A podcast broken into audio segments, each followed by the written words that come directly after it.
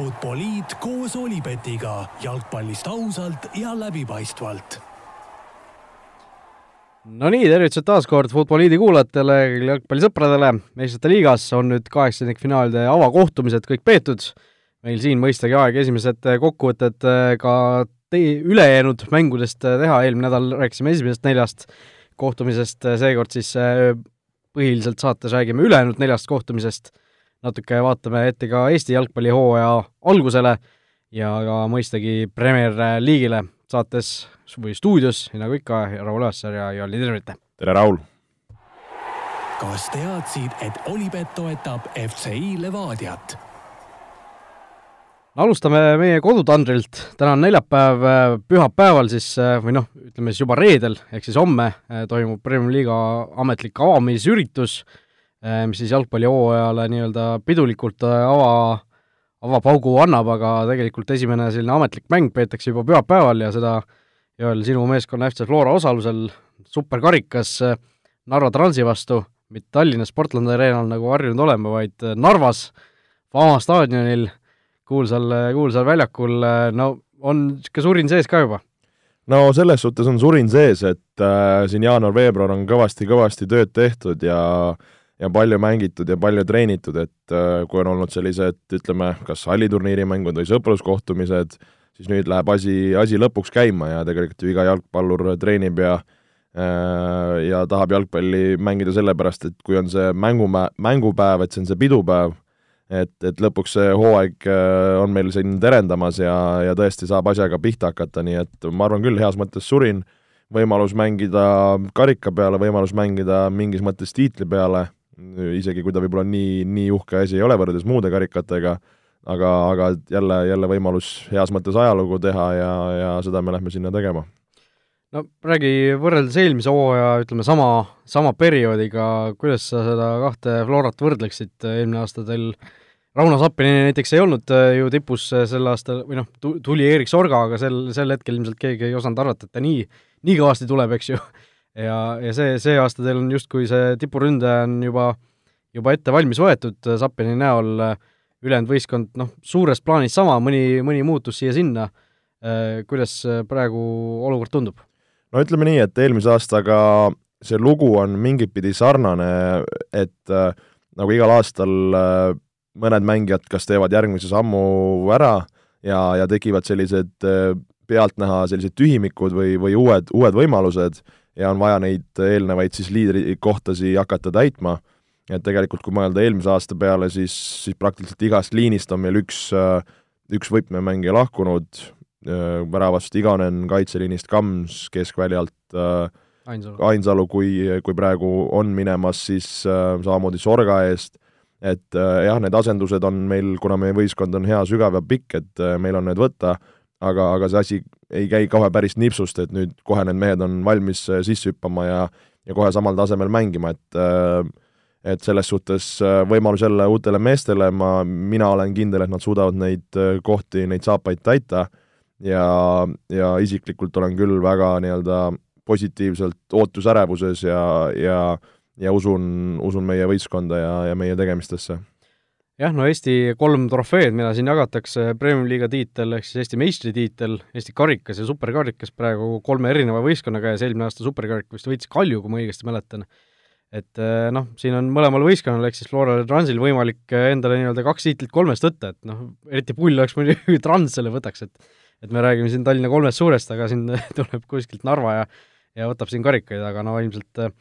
ilmselt Flora ikkagi soosik äh, reaal, realistlikult vaadates peaks siin mängus olema, aga noh, oleme varemgi näinud, et need superkarika mängud on sellised, et võib kõike juhtuda, mäletame siin mõni hooaeg tagasi alles Flora ju sai Infonetikas oli null viis tappa ja siis tuli, pärast seda tuli meistriks, on ju. just. et, äh, et eks, eks näis, pühapäeval Narvas siis äh, see mäng peetakse, nii et kes, kes sealpool on, tasub vaatama minna, tõotab kindlasti huvitav mäng tulla. aga meie läheme siit edasi meistrite liiga juttude juurde Olipetis on parimad suurliigade vastasseisude kohvid. no sel nädalal neli mängu peeti, järjekordselt kaheksakümnendfinaal-kohtumised, alustame teisipäevast, kronoloogilises järjekorras tuleme, samal ajal kaks, kaks, kaks kohtumist, esimesena võtame ette Chelsea ja Bayerni mängu, Chelsea mängis küll kodus, aga Bayern võttis väga kindla võimsa kolm-null võidu, no nii palju, noh, mina vaatasin küll äh, nii-öelda põhikohaga seda Napoli ja Barcelona mängu, mis samal ajal toimus, aga aga nii palju, kui ma pärast äh, uurisin, vaatasin, lugesin, jälgisin, siis tundus, et Bayern oli ikka täielikult üle ja väärt seda võitu. no mina isiklikult just seda Chelsea-Bayerni mängu vaatasin ja, ja ütlen ausalt, et noh, kui me siin rääkisime ka, siis äh, Bayerni me ju soosikuks panime, aga ma oleks oodanud just Chelsea't kodus palju-palju äh, paremat mängu, et äh, Chelsea, ma arvan, selles mängus äh, hüppas, hüppas korralikult lati alt läbi äh,, ma arvan, seal hüppas veidikene ka läbi Frank Lampard, lati alt läbi oma, oma formatsiooni ja, ja mängijate valikutega, ehk Chelsea ka siis sellises, ütleme, kolm-neli-kaks ühes ennast, ennast sinna ülesse pani. Noh, mis mingit pidi tundus loogiline, et kaitses asjad korras hoida, aga, aga kui vaadata just teist poolaega, siis see Chelsea kaitse, ütleme, kaitsest tuldi ikka väga korralikult läbi ja, ja väga-väga palju ruumi seal oli. et äh, noh, kui Bayerni-sugune võistkond saab seal jooksma ja, ja, ja, ja noh, on neid mängijaid seal ees, Gnabrid, Levandovskid, kes suudavad seal neid olukordi luua ja neid positsioone saada siis, siis see kasutatakse ära ja seda hästi teine poolek näitas ka, et okei okay,, esimene poolek oli võib-olla veidikene rohkem kontrollitud, aga aga jah, see teine pooleg oli, oli juba nagu piisav, et äh, ei, ei suutnud just ka Chelsea praktiliselt ju rünnakul seal Ross Barkley ja Mason Mount olid siis seal need ründaja alused mängijad äh,, ei jõudnud ka wingbackid sinna väga kõrgele toetama, et Chelsea rünnakud jäid väga-väga episoodiliseks ja, ja, ja ei suudetud seal sellist teravust äh, teha, no okei okay,, Bayerni kaitsemehed on ka seal ikkagist väga-väga äh, tugevad, väga kiired, et äh, ega neist ei ole ka kerge seal mööda astuda või mööda joosta. Et, et jah, et Bayern tegi, tegi selles suhtes oma ära, aga jah, Chelsea puhul minu jaoks väikene, väikene pettumus. no mina neid väravaid vaatanuna ka, noh see Bayerni, kuidas see sööt liikus, kui voolav see rünnak oli, kui loogilised need jätkud ja lahendused sealt tulid, oli nagu lust täiesti vaadata, kuigi Bayerni äh, Bayern ei ole minu jaoks absoluutselt äh, sümpaatsemate meeskondade killast, et aga noh, Serge Gnabry jällegi kaks väravat äh,, kõigepealt purustas meistrite liigas Tottenhami, nüüd Chelsea, et Londonis talle tundub, mängida meeldib. Äh, ja nüüd tekibki küsimus, et miks siis seda Arsenalis suurt läbimurret ei tekkinud, et see ka ju Londoni klubi on, aga aga tõesti äh, noh, Bayernilt võimas esitus ja ilmselt ei ole siin mingisugust tagasiteed Chelsea'l, samas. Me nägime eelmine hooaeg ka, et see kolme värava eduseis on kõige ohtlikum meistrite liigas. no tundub küll, aga, aga ma arvan, mitte selles, selles vastasseisus ja, ja mitte Allianz Arenal, et et siin Chelsea on ikka väga-väga suure augu omale kaevanud ja noh, siin võib siin, ma ei tea, redeleid asju panna, aga tundub, et sellest august ei, ei tule need mehed välja, et eks, eks ole näha ka, noh, Lampardi puhul äh, noh, ja just ma arvan, äge on see, et et noh, võiks, ütleme, kui me mõtleme kõigi nende kaheksa kaheksandikfinaali peale, siis oli, oli näha, et need esimesed mängud olid sellised veidi turvalisemad, ei olnud nii palju sellist hurraad ja ja, ja kaaspõhjas jalgpalli, et oligi näha, et iga võistkond läks seal natukene võib-olla kaitsma ja, ja veidikene ettevaatlikumalt, et mida me meistrite liigas näinud olemegi, et need teised korduskohtumised on need, kus, kus sõna mõttes, otseses mõttes on kõik all in et no Lampardi puhul Alliansil sul ei ole mitte midagi kaotada, minna üsna ründava võistkonnaga, minna natukene ründama formatsiooniga. et äh, jälle, et kui see vana hea tõde, et kui saada seal kiire üks kätte, kiire kaks väravat kätte, siis see mäng võib teisele poole minna. Aga, aga nagu me rääkisime ka, et minna Alliansile, nendel noortel meestel, hakata seal Bayerni tuputama, tundub ikka ülimalt-ülimalt äh, keeruline. jah, no mingis mõttes äh noh, ei saa öelda, et äh, ülesanne on lihtsamaks tehtud, sellepärast et see ülesanne on eh, niigi tõesti väga-väga keeruline, aga aga noh, väike selline võib-olla lootusekiir või noh, jällegi lootusekiireks seda ilmselt natukene palju nimetada, aga aga täna tuli uudis, et Robert Lewandowski siis äh, neljaks nädalaks on põlvevigastusega väljas, mis tähendab, et noh, ilmselt kordusmänguks teda ei, teda platsil oodata ei ole, aga noh,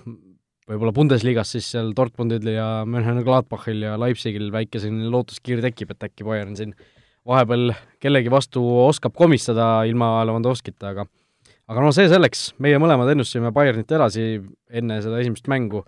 sellest paarist, ma arvan, et äh, ma ei pea isegi sult üle küsima, et me jääme selle juurde mõlemad. jääme.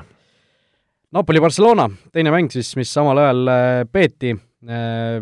Napoli noh, üks-üks see tulemus jäi, ütleme siis selle ka ära kõigepealt. No Napoli minu meelest mängis täpselt nii, nagu arvata oli, selline noh, natuke võib-olla niisugune natuke pisut vaesema mehe Atletico Liverpooli vastu, kodus jällegi kaitses keerati tugevama vastase vastu kraanid kinni, mängiti kaitsest lähtuvalt, Katuuso puhul noh, ei ole see eriline üllatus, eks ju, et seal kasutati kõiki äh, kõiki võimalusi, kõiki variante, et need äh, asjad, äh, vastase käigud kinni panna, äh, löödi ise jällegi suhteliselt noh, mitte küll nii kiiresti kui Atletico, aga ikkagi esimese poole, esimesel poolel löödi see värav ära, Mertensilt täiesti fantastiline löök sinna Ter Stegeni selja taha, aga noh, siis seejärel jällegi pisut natukene anti tagasi võib-olla, mingi hetk Barcelona surve kasvas, kasvas, tuli see üks eksimus sealt Mario Rui äärekaitsest, lasi lasi, oli see Semedo, kes seal äh, jooksma pääses liini taha ja Semedo söödust siis Kriismann lõi, lõi viigivärava ära, äh, aga noh, Napoli puhul veel neid murekohti nagu selles suhtes oli, et Mertens sai vigastada, õnneks tundub praegu uudiseid lugedes, et äh, vigastus väga tõsine ei ole, kordusmängust peaks ta rivis olema, aga noh, kas see üks-üks jätab nüüd Napolile mingisuguse võimaluse kordusmängus edeneda? no ma arvan, Napoli puhul no selles suhtes tulemus enam-vähem okei okay., okei okay,, siin saab rääkida sellest, et see võõrsil värav äh, anti Barcelonale kätte, aga, aga noh, suure tõenäosusega minnakse väga sarnast mänguplaani tegema ka Camp Nou'l, kui mitte isegi, isegi hullemad, et äh, istuda seal samamoodi kaitses kõva äh,, noh, tegelikult oli ju näha, et Barcelona ei tulnud toime väga hästi selle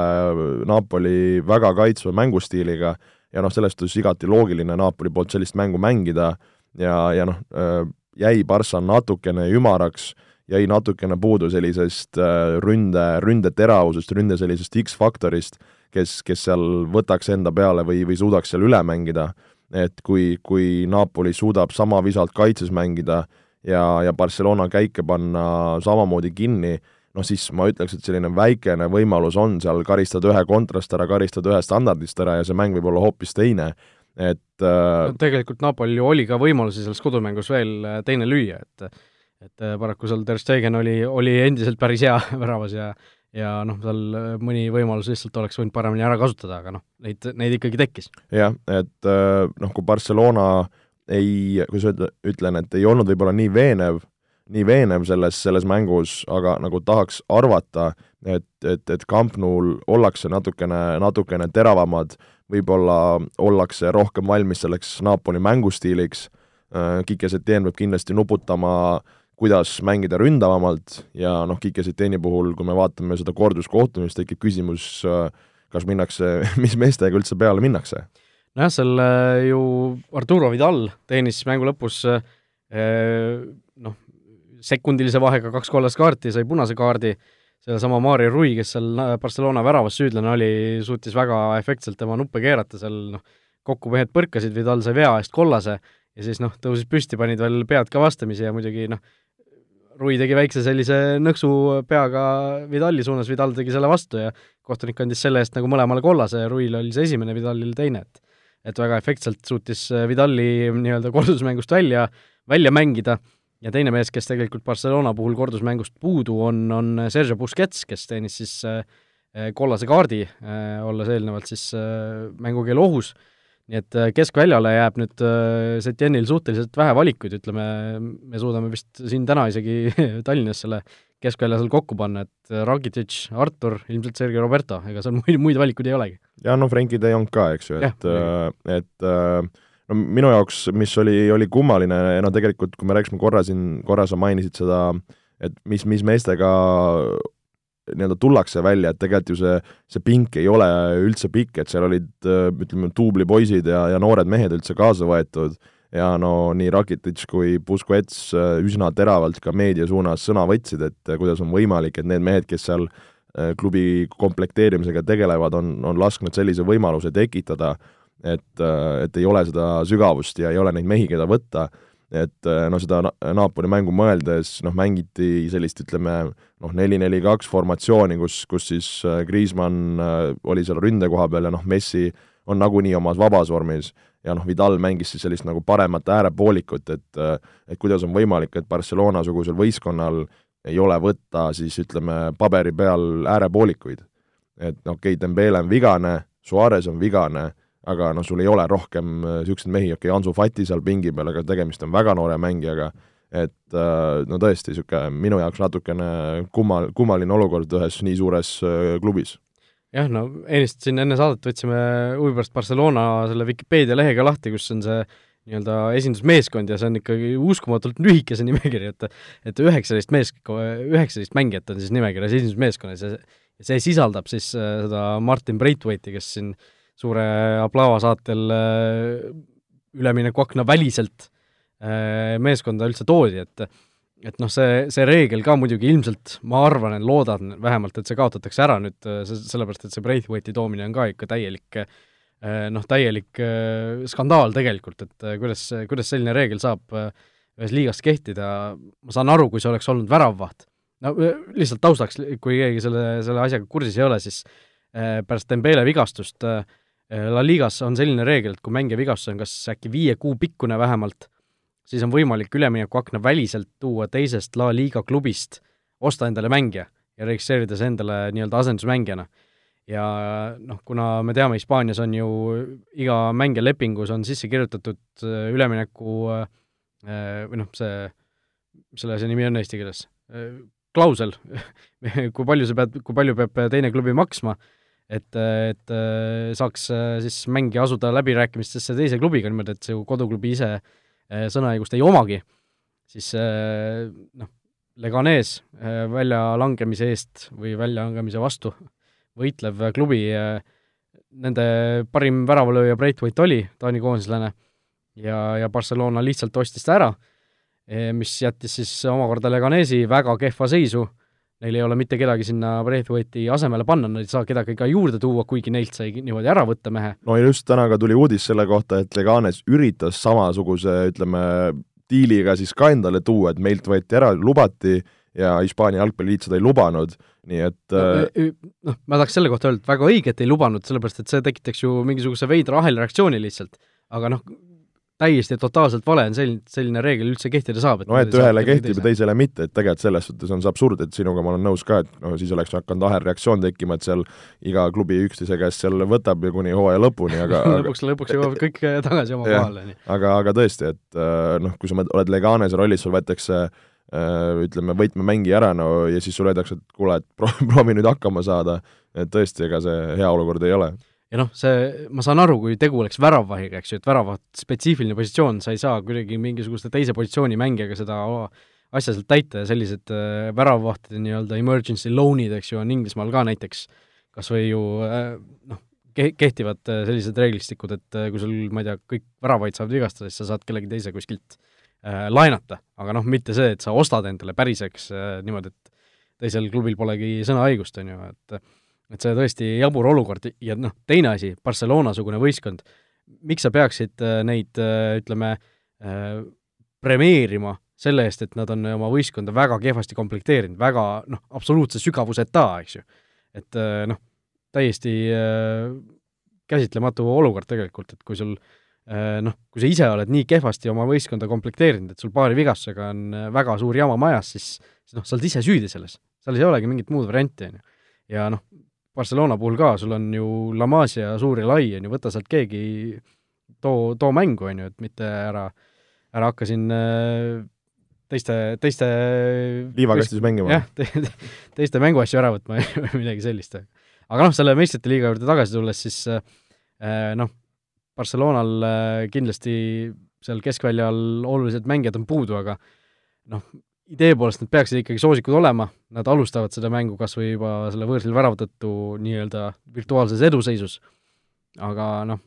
ma ikkagi Napolisse tahaks uskuda, et Gattuso on äge vend ja äh, nagu niisugune sisetunne endiselt hoiab pigem Napoli poole.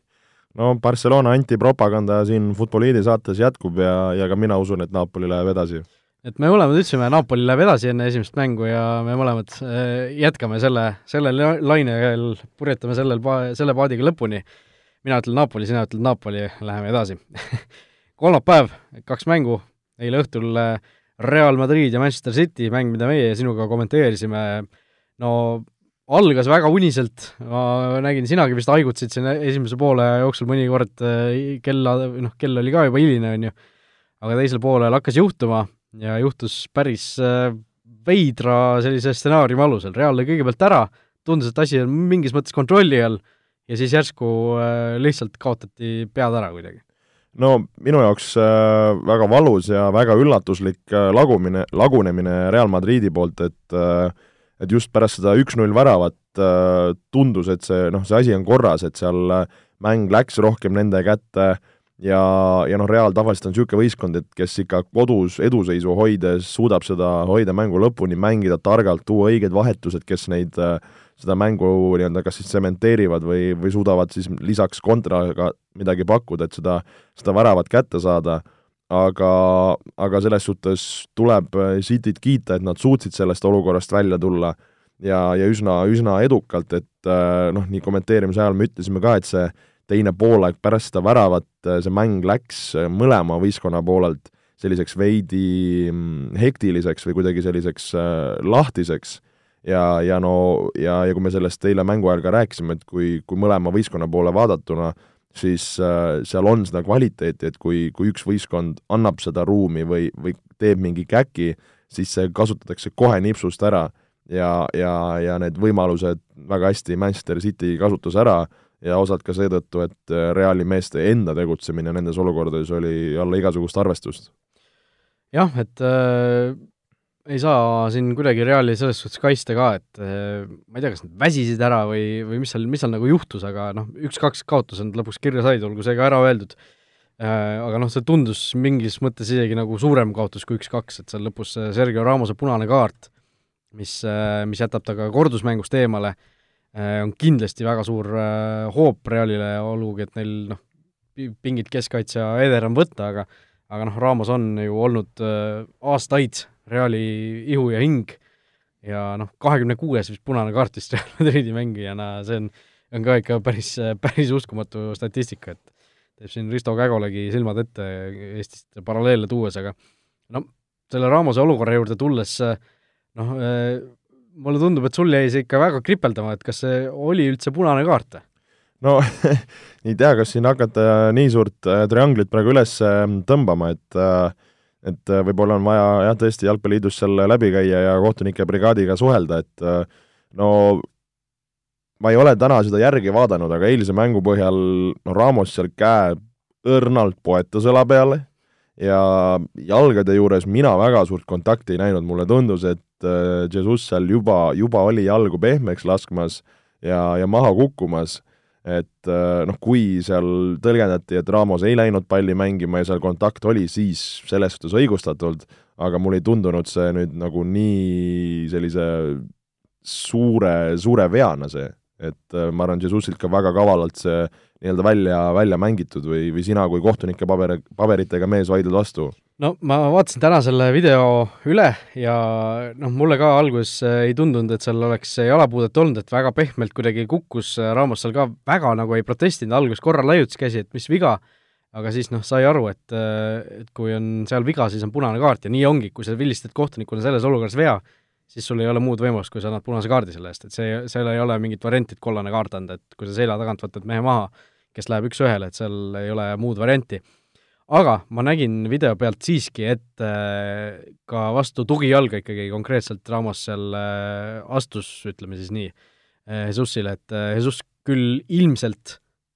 sai aru, et see selline asi tuleb ja ta oli valmis selleks kukkumiseks, valmis selleks, et see viga sealt ära võtta või välja võtta, aga, aga noh, seal oli, oli ka see viga tegelikult olemas, nii et tegelikult kõik igati õige oli, aga noh, ma mõtlesin sellest olukorrast veel rääkida selle nurga alt, et et äh, Sergei Ramose nahas olles sa näed, äh, okei okay,, Casemiro ja Varan seal mingisuguse käki kokku keerasid, sul on võimalus selja tagant Jesus maha võtta, kas see oli õige käik, et ta selle punase kaardi võttis väljaspool karistusala vea eest, jät-, jättes sellega siis ära selle kolmanda värava, aga jättes ennast välja kordusmängust? no kas, ähm, kas sa ütleksid, et Ramos tegi seda meelega? Äh, no tegi või ei teinud, aga noh, see, no ma arvan, et pigem tegi. no ta ikkagi äh, no samas võib-olla ei teinud ka, see käe, käe oma oli äkki see, et ta tahtis lihtsalt noh, panna umbes õla või keha nagu vastu, segada teda, aga noh, läks nagu läks, on ju. no lihtsalt mulle on see väga hell teema, et ma kunagi noortekoondise U kahekümne ühe eest äh, sain sarnases olukorras ka punase kaardi kohe ühe elu, ühe väik-, ma ei tea, kas äkki kaks tükki võib-olla ma saanud olengi, et äh, et äh, seal oli samamoodi, kus ründaja läks üks-ühele, mina veel tõstsin käed üles, et äh, jumala eest mitte seda viga teha, jumala eest äh, mitte kaarti saada. Ja kuidagi kas ründaja meelega jättis, kuidagi meie jalad seal risti läksid ja lõpuks me, ma talle nagu tagant siis kuidagi noh, jalad me nagu kodarates üksteisele jooksime, kukkusime pikali, penalt ja punane kaart, siis vist isegi ei olnud veel seda topeltkaristuse teemat veel sees ka, ehk siis oligi pärast, ma ei tea, kahtekümmet minutit äh, oli, pidingi juba, juba duši alla minema ja, ja päris, päris pikalt see mul nagu peas mõlkus, et äh, ma nagu tundsin mingit pidi Raamasele lisaks endale nagu kaasa, aga nagu kui sa küsisid seda, et kas see oli nagu õige või vale tegu, no selles suhtes oli see heategu, et äh, hea, hästi tehtud, et see oli, jäi kastist välja, et siis oleks olnud, eks ju, see penalti seda karistuslööki sisse kusjuures noh, sellest topeltkaristusest sa rääkisid, kui see asi oleks kasti sees olnud, siis see oleks, äh, ma arvan, et see oleks ikkagi punane kaart olnud, sest vaata, selle topeltkaristuse ehk siis selle reegliga, et kui sa või noh, et see nii-öelda punast kaarti ja penaltit korraga ei anna, selle tingimuseks on see, et kaitsja üritab palli mängida, eks ju. mida Ramos selles olukorras ju ei, ei üritanud, pall oli natuke kaugemal, ta üritas kontakti minna et seal ilmselt oleks isegi kastis sees oleks see punase olnud, aga noh, jätka. ütlesid, et oli hea, et tegi kastist väljas või? nojah, et kuna sealt seda karistuslööki sisse ka ei löödud, et selle koha pealt saab, saab öelda, no see ongi niisugune kahe otsaga asi, et kas sa nagu lased minna, riskid sellega, et seal võib kolmas tulla ja sul on mäng täitsa läbi, või sa võtad ta maha, seisab kaks-üks ja tegelikult sul on noh, võimalus korduskohtumises veel, veel tulemust teha. jah, ilma, ilma sinuta, kes sa oled võistkonna suur liider ja kapten, et äh, ma arvan, see on suht selline fifty-fifty, et noh, selles suhtes ma arvan, Raamusel ei jäänud ka muud üle, see, ka see Miro lohakas sööt lõpuks selle tekitas ja, ja noh, nad ise käkkisid selle, et, et äh, nagu ma ütlesin ka, et Real noh, tegi lubamatuid asju, see ongi see Casemiro sööt, mis tekitas selle punase kaardi. Ja kui me mõtleme seda Sterlingu teht-, teenitud penaltit, kus äh, Carvajal oli ta vastu, Sterling lükkas selle palli pikalt juba üle otsajoone, ma ei usu, et tal oleks isegi šanss olnud sellele pallini jõuda, isegi kui Carvajal poleks teda maha niitnud, noh, Carvajal läheb täiesti mõttetus olukorras seda palli seal niitma, et selline noh, öeldakse tihti, sa näed, nagu noored mängijad on sellised, kes kaitsefaasis tahavad igale poole lennata ja sisse sõita ja, ja spaagesi panna, et Carvajal ei ole enam noor mees ja ta on, ta on neid mänge mänginud küll, et seal on vaja lihtsalt ees püsida äh,, olla õiges kaitseasendis, jälgida, mida Sterling teeb, et sul ei ole vaja seal äh, ütleme, see oli ka üsna kasti nurgas seal, sul ei ole vaja seda palli võita seal. et, et minu jaoks nagu täiesti jaburad otsused või jaburad käigud, mis, mis lõpuks äh, juhtub see, et sa, sa kaotad selle mängu ja juhtub see, et sa lähed väga kehva tulemuse pealt praegu Etihad staadionile korduskohtumist mängima no just, no kohe selle Ramose juurde tagasi tulles, siis ma arvan, et isegi pigem võib-olla oli see õige käik, et see mees seal maha võtta, sellepärast et noh, üks-kolm kodus kaotada oleks ikkagi olukord, kus sa pead võõrsil kindlasti vähemalt kolm tükki lööma praegu piisab, piisaks nii-öelda kahest äh, esialgu, kui enda värav puhtana hoida. Äh, et äh, aga noh, me mäletame eelmist hooaega, kui Ajaxi vastu Ramos ju noh, oli see põhimõtteliselt nii-öelda pooleldi meelega võttis selle kollase, et kanda oma mängukeeld ära ja vaatas tribüüni pealt, kuidas meeskond lihtsalt ära lagunes koduväljakul ja ja, ja välja kukkus. et noh, siin ilmselt midagi sarnast võib tulla võõrsil ka veel City vastu, noh, raske näha, et Real seal väga suurelt võita suudaks, samas mine tea, Peep Guardiola ütles ka, et kui mõni tiim oskab kaotusseisust välja tulla, siis, siis on see Real, aga noh, kas ikka on, on ju? no ütleme nii, et äh, City mängis ka väga hea mängu, et äh, et äh, just suudeti see initsiatiiv enda kätte haarata, mängida selles suhtes targalt, et enda käes seda palli hoides, noh see possession'i protsendid on noh, nelikümmend kaheksa siin koma seitse ja viiskümmend üks koma kolm, et põhimõtteliselt noh, väga võrdsed, et siis läbi selle, et City ise ka mängu domineeris, nad võtsid Reali seda mängutuhhi ja seda Reali, ütleme, initsiatiivi, mida nad kodus armastavad hoida, võtsid ära. Ja, ja tegelikult nagu mängiti selles suhtes hea partii. Teisalt, kui vaadata Reali, siis, siis jäi see, ma ütleks, see ülemine faas seal veidikene lahjaks.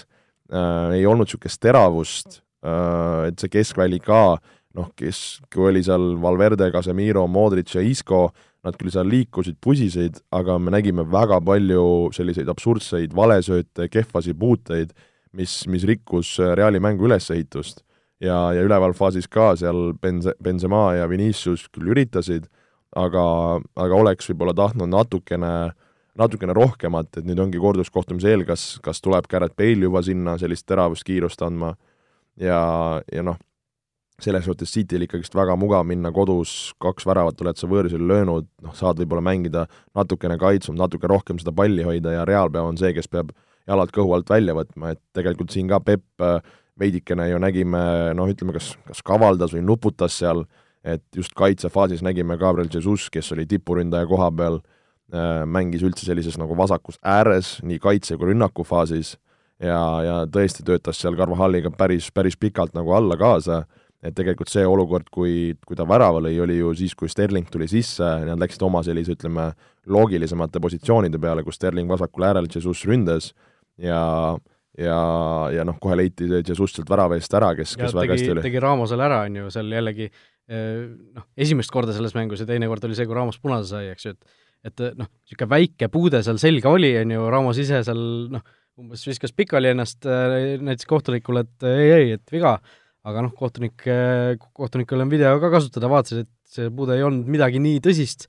et seal oleks pidanud äh, vea võtma ja värav luges, on ju. jaa, just, ja ja no muidugi tuleb siin äh, De Bruyne'i kiita, kes seal neid, kes esiteks selle väga hea söödu andis, kes penalti ära realiseeris ja tegelikult tõesti oli, oli väga, väga hea mees äh, kogu, kogu mängu jooksul, kui ma õigesti kuskilt jäi mingi statistika silma, et kas see oli Kevin De Bruyne'i siis professionaalkarjääri jooksul kas üldse teine penalti või? jah, väga vähe, ühe käe sõrmedel sai neid äh, lugeda igatahes kokku jah, et et noh, City on päris kehvasti neid penaltid löönud sel hooajal, et otsitakse seda õiget lööjat, tundub. aga noh, nüüd võib-olla on leitud igatahes esimene selline esimene pääsuk oli väga lootustandev, aga noh, kui Realist veel rääkida, siis äh, Santiago Bernabeu, noh, ei ole enam ammu kellegi kindlus, viimasest kuuest meistrite liiga kodumängust üks võit Real Madridi sugusel võistkonnal, no see on ikkagi äh, midagi uskumatult uh,, uskumatult halba. no ma olen nõus, et kui vanasti see Bernabeu oli kindlus, siis äh, see statistika ja ja no eks see võistkond ei ole ka päris sama, et me, kui me oleme harjunud, et seal olid seal Cristiano Ronaldo ajad ja ja noh, kus võistkond ju võitis kõik mängud ja kõik karikad, siis, siis praegu niisugust asja ei ole, et äh, ka minu jaoks veidikene selline murettekitav ja veidikene üllatav ja, ja tegelikult ka, et Pepp on saanud seal nüüd siis kaks mängu võõrsil meistriliigas äh, kätte, et äh, koos Ottomar Hitzfeldiga siis on äh, ainukesed mehed, kes on seda suutnud teha, et Bernabeul see kätte saada. et tõesti, no ma räägin, see oli väga-väga suur tulemus City jaoks. no Realist ja Barcelonast veel rääkides, siis pühapäeval tegelikult ju koduliigas El Clasico ees ootamas, samuti Santiago Bernabeul, noh, kumb võistkond äh, parema tunde pealt läheb, mulle tundub, et äh, Realil on ikkagi mingisugune värk on uuesti mäda, et vahepeal tundus juba, et Zidani käe all saadi nagu see masin tööle, aga viimasest kolmest mängust ju äh, Real noh, kui liiga, meistrite liiga kokku panna, ainult üks viigipunkt ja kaks kaotust, on ju, et et päris selline kehv seeria, mille pealt nii suurele mängule vastu minna. jah, kui enne seda oli ju see ütleme, see võiduseeria päris pikk, kas seal ligi kümme ja pluss mängu, ma nüüd ei julge päris täpselt peast seda numbrit öelda, aga, aga jah, et seal Celta Vigoga kaks-kaks Levantelt pähe, Citylt pähe ja minna, minna Barcelonaga mängima, noh, see on kaks asja, et kas su enesekindlus on seal väga selline kehv ja ja kõikuv või on sul vastupidi, et noh, nüüd ei ole sul, noh, sa pead ikka nii, et tagumikust tuld tuleb seal andma ja noh, El Clasicos on alati selline, kus, kus pannakse täiega ja noh, kodus ka veel pealekauba ja, ja kui vaadata nagu La Liga tabelit, kus, kus Barca Real praeguses seisus mõlemal sama palju mänge, Barca kahega peal, noh, see, siin ei ole Realil muud, muud võimalust, kui see, kui see mäng lihtsalt ära võtta. jah, no ei tea, kas tuleb ka tuline mäng, igatahes äh, Olibeti äh, kuulaja küsimus on, äh, puudutabki täna just nimelt sedasama Reali ja Barcelona pühapäevast mängu El Clasicot ja küsimus siis ei ole seekord, kes võidab või palju väravaid lüüakse, vaid äh, hoopis selline, et mitu kollast kaarti mängu jaoks sulle antakse? no ütleme, et viimasel ajal need äh, Reali ja Barca mängud äh, nii hirmsad ja kaklusrohked ei ole, kui võib-olla Morinho ajal. nagu seal silmi koogiti peast välja. just, et, et on veidikene rahulikumaks see asi läinud, aga, aga ma arvan, et see mäng tuleb tuline, no Ramos saab kollase, Casemiro saab kollase, Piquet saab kollase Bus-, Busquets ka äkki? keskväljal keegi saab kollase, jah, Busquets, Vidal saab kollase, viis, no ma ütlen kuus, kuus kollast. okei okay,, no ma, mul tuli millegipärast neli pähe, et et noh, niisugune kolm ühele ja üks teisele poole, mitte kaks-kaks et äh, minu, minu pakkumine on see neli, aga igatahes äh, teie saate ka oma pakkumise teha, kõik, kes seda saadet kuulavad, minge lihtsalt Olipet Eesti Facebooki lehele, otsige üles sealt Futboliidi viimane postitus ja sinna alla kommentaaridesse kirjutagegi, mitu kollast kaarti teie meelest võiks selles mängus välja, välja siis anda või mitu, kaart, mitu kaarti antakse? mitu kaarti antakse, ütleme siis jah, ilusamini, et ja kõikidele õigesti vastajatele, kes õigesti ennustavad, Olipet omalt poolt annab kümme eurot tasuta panustamisraha, nii et tasub proovida küll. Aga läheme, võtame kiirelt viimase mängu ka meistrite liigast, äh, mis ka eile õhtul paralleelselt selle suure mänguga toimus, Lyon Juventus, no päris suur üllatus ikkagi, mina vähemalt ennustasin küll ja sina ka minu meelest ennustasime mõlemad, et Juventus juba esimeses mängus siin võõrsil teeb äh, sotid selgeks, aga läks hoopis vastupidi. no Lyon võttis üks-null võidu, kontrollis mängu tegelikult, äh, nii palju, kui ma täna vaatasin, kuulsin, lugesin, et äh, tegelikult väga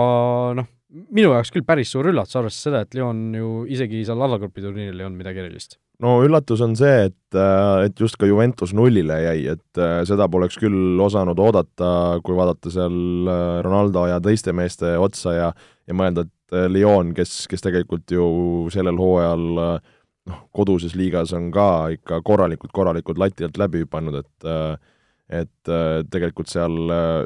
noh, neil ei ole seda, seda mängu nii, nii head olnud võib-olla kui varasematel aastatel,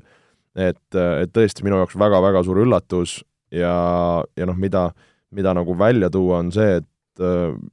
kas, kas tõesti see Sarri, Sarri suutmatus nendes suurtes mängudes seal nii-öelda Euroopa mängudes neid asju, asju nagu hästi, hästi ära teha, et valitsev Euroopa liiga võitja. nojah, eks see selleks, aga, aga noh, fakt on see, et isegi kui see esimene mäng Lyon oli tubli ja, ja, ja, ja just kui mõelda Juventuse peale, et nemad olid veidikene hambutud no ma ei tahaks uskuda, et äh, kodus äh, Juve laseb sellisel asjal juhtuda, et nad peaksid Lyoni vastu välja langema, et seal ma arvan, Cristianot võib jälle sellist hat-tricki stiilis asja oodata ja eks, eks muud mehed ka peavad seal äh, peeglisse vaatama ja, ja ma usun ka, et, et seal nagu seda motivatsiooni või või seda murekohta ei ole, et need mehed nüüd ei, ei taha või ei suuda. Nojah, kui me meenutame eelmist hooaega, siis tegelikult Atletico vastu ju Juventus oli veel raskemas seisus pärast esimest mängu ja ikkagi Ronaldo lubas, et loob kü-, lööb kübara ja, ja lõigi, on ju, et et äh, esimeses mängus siin Lyoni vastu oli ta küll väidetavalt ikka päris nähtamatu olnud, äh, selline kahvatu, et äh, noh, tegelikult ka Lionel Messi ei olnud ju midagi väga erilist Barcelona mängus, et ma ei tea, äkki niisugune saab sensatsioona-, sensatsionaliseerida, et kas Messi ja Ronaldo aeg on lõppemas nüüd meistrite liigas, aga aga noh, loodetavasti siin ühe mängu põhjal ei ole põhjust pikemaid järeldusi teha ikkagi selles, selles vallas, neid mehi näeme veel mitu aastat suures mängus tegusid tegemas, aga, aga no Juventus, fakt on see, et võõrsil väravata nad jäid, elu lihtsaks tehtud ei ole, aga noh, kodus nad on traditsiooniliselt tugevad, neil on Ronaldo, mis on endiselt no meistrite liigas ülisuur relv ja noh, samas oleks äge, kui Lyon edasisepääseks läheks Atalantaga näiteks veerandfinaalis vastamisi ja noh, noh, see oleks, üks poolfinalist tuleks sellest paarist siis. no see oleks veel korralik lugu, kui, kui natukene selle Lyoni Juve mängule otsa vaadata, siis äh, äh, Juventus selles mängus äh, ühtegi lööki raamidesse ei saanudki. Et noh, see näitab ikka, kui, kui mannetu see mäng oli, seal lammutati küll neliteist korda peale, aga kordagi raami ei saadud, et äh, kaks tuhat neli viie, kaks tuhat neli ja kaks tuhat viis hooajast Juventus on siis ainult kolmel korral niisugust asja neil meistrite liigas juhtunud, et äh, Atletica vastu kaks tuhat neliteist ja Arsenali vastu kaks tuhat kuus ja nüüd siis võõrsil Lyoni vastu, et tõesti, et noh, et sa ikka üldse, üldse väravale pihta ei saa, et see on midagi enneolematut ja nagu ma ütlesin ka, et noh, et see, et see korduks, et nad seal väravaid kirja ei saa kodus, noh, see tundub, tundub minu jaoks veidikene ebareaalne just, nii et äh, eks, eks me näe, kas Gianluigi Buffon peab jälle meistrite liigas suure pettumusega äkki see on mingi Buffoni needus, et äh, et ei, ei lihtsalt mehel ei, kui tema võistkonnas on, siis kuidagi need asjad ei taha juhtuda, aga no vara-vara siin veel niisugust juttu rääkida, ma arvan. Just, aga tuleme korra tagasi eelmise vastasseisu juurde ka, meil jäi see veel üle vaatamata, et Aa, kes õigus, läheb edasi. Äh, mõlemad ütlesime Real enne esimest mängu, kas soovid muuta? no ma ütlen nii, et see ülesanne on äh, väga raske, ma ütlen seda, et äh, City näitas väga-väga head mängu ja ma arvan, et City on äh, enne korduskohtumist äh, favoriit. kui ma peaks ütlema, et äh, kes edasi läheb, siis ma millegipärast pärast eilset mängu ütlen City, aga mu pakkumine jääb siis äh, Reali toetajana ja, ja, ja niisugust siirast usku lootes ma ütlen, et Real läheb ikka edasi. no ma ütlen ausalt, City eile veenis mind, Real ei veennud, nii et mina muudan, mina ütlen, City läheb edasi, nii et siin väike selline omavaheline vastuolu tekib, Lyon Juventus, meie mõlemad ütlesime, Juventus läheb edasi, jääda oma pakkumise juurde? no jään, et kui, kui tõesti Lyon peaksid edasi minema, siis äh, see oleks ikka, ma arvan, väga-väga suur üllatus, nii et äh, ma ei näe, et see üllatus teist korda juhtub ja, ja Juventus äh, siis, kui on mängumeeste minutid võtavad oma mängumeeste nii-öelda putsad ja, ja asjad välja ja teevad selle asja ära. no mina ka Cristiano Ronaldo vastu ei tahaks panustada, nii et ma ennustan ka Juventust ikkagi, hoolimata sellest null-üks kaotusest, äh, edasi veerandfinaali, nii et eks me näe, mis saama hakkab, järgmisel nädalal meistrite liiga mänge veel ei ole, aga kaks, kaks nädalat või noh, kahe nädala pärast siis juba naasevad kaheksandikfinaalid korduskohtumistega ja, ja siis tulevad juba Atletico Liverpoolid ja sellised paarid uuesti, uuesti väljakule, nii et äh, ootame huviga äh,, läheme siit aga edasi praegu Premier League'i juurde. kas teadsid, et Olipet pakub parimat mitmikpanuste diili Eestis? No Premier League'ist rääkides äh, esimese asjana võib-olla tuleb äh, natukene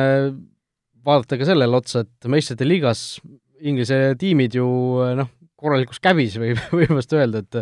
väravate vahe kaks-kuus, need kaks väravat tulid ka ainult ju City, City meeskonna poolt, üks võit, kolm kaotust, kaks kaotust sealjuures Saksamaa tiimidele, kes siin, kes siin on omakorda ise ju viimastel aastatel nagu natukene hakanud ära vajuma eurosarjades, et mis toimub? No eile mängu ajal me seda juttu natukene arutasime ka ja City kohe selle peale seisu ümber keeras,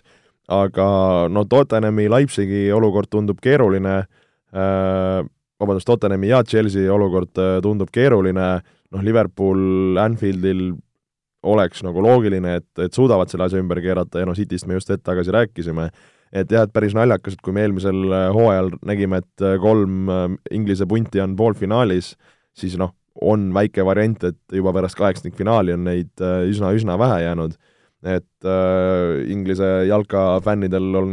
jälle vaja mõru pill võib-olla alla neelata, aga aga noh, kui saab kaks langeb välja ja kaks lähevad edasi, et ma arvan, siis niisugune no sellega tuleks juba rahule jääda praeguses seisus. see on nagu okei okay,, et, et, et siin ei saa veel, ma arvan, hakata mingeid äh, häirekellasid ja, ja niisugust Inglise jalka äh, mingi, midagi kuidagi rändima, et, et ei, veel, vara veel, vara veel. Okei okay,, aga no Premier League'i poole edasi vaadates äh, siin möödunud nädalal ka voor peeti väga selliseid äh, noh, põrutavaid tulemusi võib-olla ei olnud, noh, Chelsea Tottenhami kaks-üks mäng eh, pakkus siin natukene kõneainet, Olivier Giroud tagasi koosseisus kohe väravaga, noh, Manchester City võitis Leicester Cityt kõige, kõigi aegade kõige võib-olla pingevabamast teise ja kolmanda koha meeskonna mängus, noh, ei ole seal nagu esikolmikus enam erilist pinget sees, kõik on nagu oma kohaga leppinud ja ilmselt, ilmselt seal midagi ei muutu, kuigi noh, Leicester ja Chelsea vahe kuus punkti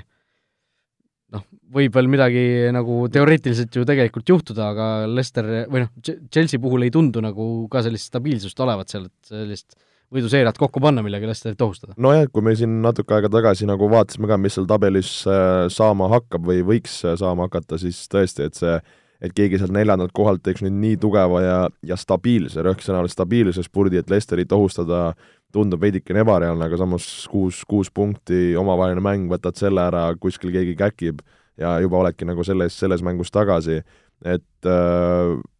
ma tahaks loota, et Lester suudab sellest kinni hoida, aga, aga eks, eks, eks ole selle koha pealt näha. no Liverpoolil on praegu nii palju punkte, et ilmselt äh,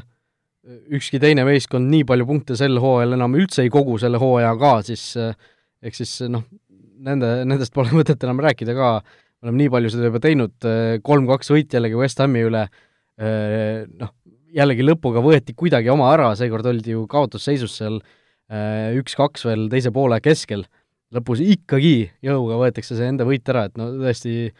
fenomenaalne selline seeria, mis nad kokku on pannud, kõik need rekordid vaikselt äh, langevad ja ja noh,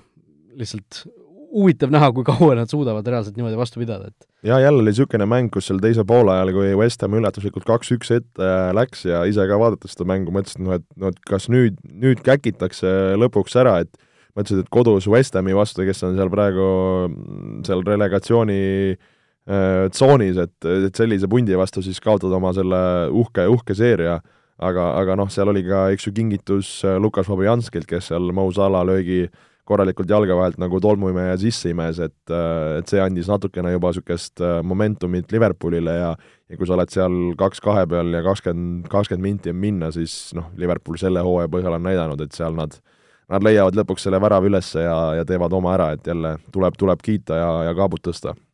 no sel äh, nädalavahetusel Liverpool sõidab külla Watfordile, samuti relegatsioonitsoonis ilus sõna, olevale tiimile. No mina teen jällegi oma sellise traditsioonilise ennustuse, ma ütlen, et seekord, seekord on see mäng, kus Liverpool lõpuks äh, taas libastub, äh, no see ei saa enam nii kesta, no see ei saa lihtsalt enam, see ei ole, ei tundu füüsiliselt võimalik, et, et nii palju suudetakse nende võitude otsa koperdada järjest, et et mingi hetk see krõps, krõks peab käima ja, ja ma arvan, et see tuleb sel nädalavahetusel, pange mu sõnad kuskile kirja ja tuletage järgmine nädal meelde, kui ma eksin. jah, ja kõik need äh, teised korrad, mis sa ka siin podcast'is oled äh, välja öelnud, need võime ka ilusti välja otsida, mina Watfordi vastu seda, seda komistamist ei näe, aga ma arvan, me võiks Raul kuidagi selle asja nagu lõbusamaks teha, et sa siin lubad ja lubad, et äh, noh, midagi võiks siis nagu juhtuda ka, et sa siin suuri sõnu, et kas kas niisugune väikene šokolaad, kui mulle siin järgmise episoodi ajal, kui, kui ei, ei tule või, või siis vastupidi? no siin äh, peaks jah, kuidagi niisuguse diili tegema, et mina toon šokolaadi, aga kui Liverpool reaalselt libastub, siis, siis saan mina šokolaadi. kastšokolaadi näiteks. okei, okei, okei, räägime siis nii, on ju. no Fatseri ja, Fatseri piimašokolaad mulle väga maitseb. jah, teeme niisuguse diili, et kui Watford äh, võidab, tuleb suur uhke Fatseri šokolaad, kui Liverpool võidab, tuleb niisugune tavaline Watfordi võit või viik, ütleme siis okay,. Liverpool kaotab punkte. ja kui on siis äh, Liverpooli võit, siis tood niisuguse tavalise väikse šokolaadi mulle. okei okay,, teeme nii äh,. Vot äh,, igatahes äh, nädalavahetuse mängu ja veel vaadates Norwich, Leicester kohe reedel, homme õhtul, äh, noh, Leicesterist rääkisime, natukene selline pingevabadus neil äh, sisse on, tundub äh, tulnud, viimasest viiest mängust ainult üks võit liigas, aga noh, mitu sellist äh, tähtsat viiki ka seal ja tugevaid äh, vastastega tegelikult maadeldud on. Norwich samal ajal tavalises endiselt viimasel kohal, ei ole nad hoogu sisse saanud, äh, sai, saan, on nad saanud siis viimasel ajal selliseid aeg-ajalt isegi selliseid päris kindlaid kaotusi, aga aga on ka tugevatega võrdselt mängitud, nii et suhteliselt selline mäng, kus nagu noh, ei, ei tea, mis võib saada, reaalselt ei tea. no pigem näeb minu jaoks ebatõenäoline see välja, et Norwich sealt midagi võtab, et ei, nad küll pusivad, pusivad, aga kogu aeg, kogu aeg jääb see grammike puudu ja, ja no suure tõenäosusega jääb ka Lesteri vastu puudu. ja noh, teised äh, võistkonnad siin, kes siin esineliku kohti äh, himustavad, äh, noh, Manchester City ja Aston Villa kohtumised on siis edasi lükatud, kuna pühapäeval nemad mängivad selle kuulsa Carabao Cupi finaali, aga noh, Chelsea võõrsil Bournemouth, Bournemouth siis samuti seal äh, püsimajäämise eest heitleb kuueteistkümnendal kohal. Chelsea noh, pärast seda valusat kaotust Bayernile suudab ennast kokku võtta või mitte? no peab, peab suutma, samas äh, Bournemouth, äh, kes sai väga valusas mängus äh, viimases voorus Burnley't kolm-null, et kes noh, võiks olla, ütleme, sarnases, kes on varasemalt seal sarnase kohtade eest võidelnud, aga, aga Bournemouth see hooaeg Eddie Hauga seal täitsa, täitsa hädas, et noh, Bournemouth kodus peab seal ikka hambad ristis ikka väga korralikult mängima ja ma usun, et Chelsea'l tuleb seal äh, üsna, üsna raske mäng äh,. Everton, Manchester United. no United eelmises voorus kolm-null võit Watfordi üle, sellesama meeskonna üle, kes nüüd Liverpooli hammustama hakkab. Bruno Fernandes paistis väga ajast küljest silma, realiseeris penalti äh,, Martial ja Greenwood samuti jala valgeks said seal jällegi äh, oleme jällegi selles faasis, see, see, selle nädala saade on selline, kus United on äge ja hakkab tulema vaikselt ja siis ja siis järgmisel nädalal räägime sellest jällegi, kuidas, kuidas kõik on, kõik on pekkis, noh, jällegi, Unitedi mängude ennustamise osas mina olen ammu loobunud, ei taha enam siin kuidagi, või noh, ei suuda lihtsalt enam, seal on jällegi, need võistkonnad on niivõrd ebastabiilsed, et seal võib kõike juhtuda. aga noh, tahtsid, tahtsid ka midagi ei no ma tahtsin öelda seda, et Everton on äh, näitamas üsna, üsna head mängu Arsenaliga viimases voorus, kolm-kaks, äh, üsna selline võitluslik ja, ja, ja, ja pusimismäng, et äh, Everton kodus on, on tugev võistkond, Ancelotti võimalus nüüd niisuguse suure vastase vastu mängida, et äh, ma ei imestaks, kui Everton seal võib niisuguse hea, hea tulemuse teha ja ja United ka võib-olla siin noh, nagu sa ütlesid ka, et see üles-alla, et saadakse üks võit kätte, näod on naerul ja siis tullakse, minnakse sinna Goodison pargile ja tullakse saba jalge vahel tagasi, et äh, ma isegi millegipärast tunnen, et Everton võib siin üllatada no kas no. üllatamiseks on seda võib-olla palju öelda, aga, aga selles suhtes? nojah, Ancelotti Solskjaeri vastu ei tundu nagu aus, aus võitlus olevat, aga aga noh, eks, eks me näe, Everton siin pika sellise hea seeria järel sai ju eelmises voorus siin Arsenalilt valusa kaks-kolm kaotuse. aga pühapäeva õhtul või noh, õhtupoolikul Tottenham Wolverhampton, noh, tundub päris huvitav mäng tulevat, mille Wolverhampton võidab. No ma arvan, et võib-olla selle vooru kaks kõige põnevat kohtumist ongi siis Everton United, mis on pühapäeval ja ja Tottenham äh, Wolves, et noh, Tottenham Wolves äh, noh, teades mõlemat võistkonda, seal võib juhtuda, et mõlemad võistkonnad seal väga jõuliselt kaitsevad ja mängitakse kontrate peale või on, või on vastupidiselt see teine äärmus, kus on gaas põhjas ja, ja väravaid ja, ja rünnakuid ühes ja teises suunas. et niisugune äh, väga printsipiaalne mäng, vaadates nii tabelisse kui, kui, kui ütleme, niisuguste võistkondade puhul, noh, Tottenhami puhul, kui me rääkisime ka siin sellest meistrite liigast, see, et neil seal äh, ründaja, ründajabrigaad üsna hõre on ja, ja ei ole seda võimu, et see võib seal natukene Wulsi vastu saatuslikuks saada. et äh, ütlen ausalt väga,, väga-väga lahtine vastasseis pühapäevasel ja ma ei julgeks hetkel siin küll kelle, kellelegi äh, anda niisugust äh, favoriidikoormat. no vot, igatahes äh, vaatame huviga, mis, mis nädalavahetusel saama hakkab äh, kas Fatsel saab äh, rõõmsaks või, või väga rõõmsaks, kas tuleb väike või suur šokolaad siin emal-kumal osta igatahes äh, huvitavad mänge Premier League'is siin meile endiselt pakutakse. no mis siis ikka, järgmisel nädalal vaatame, kas, kas tuleb šokki või ei tule. just.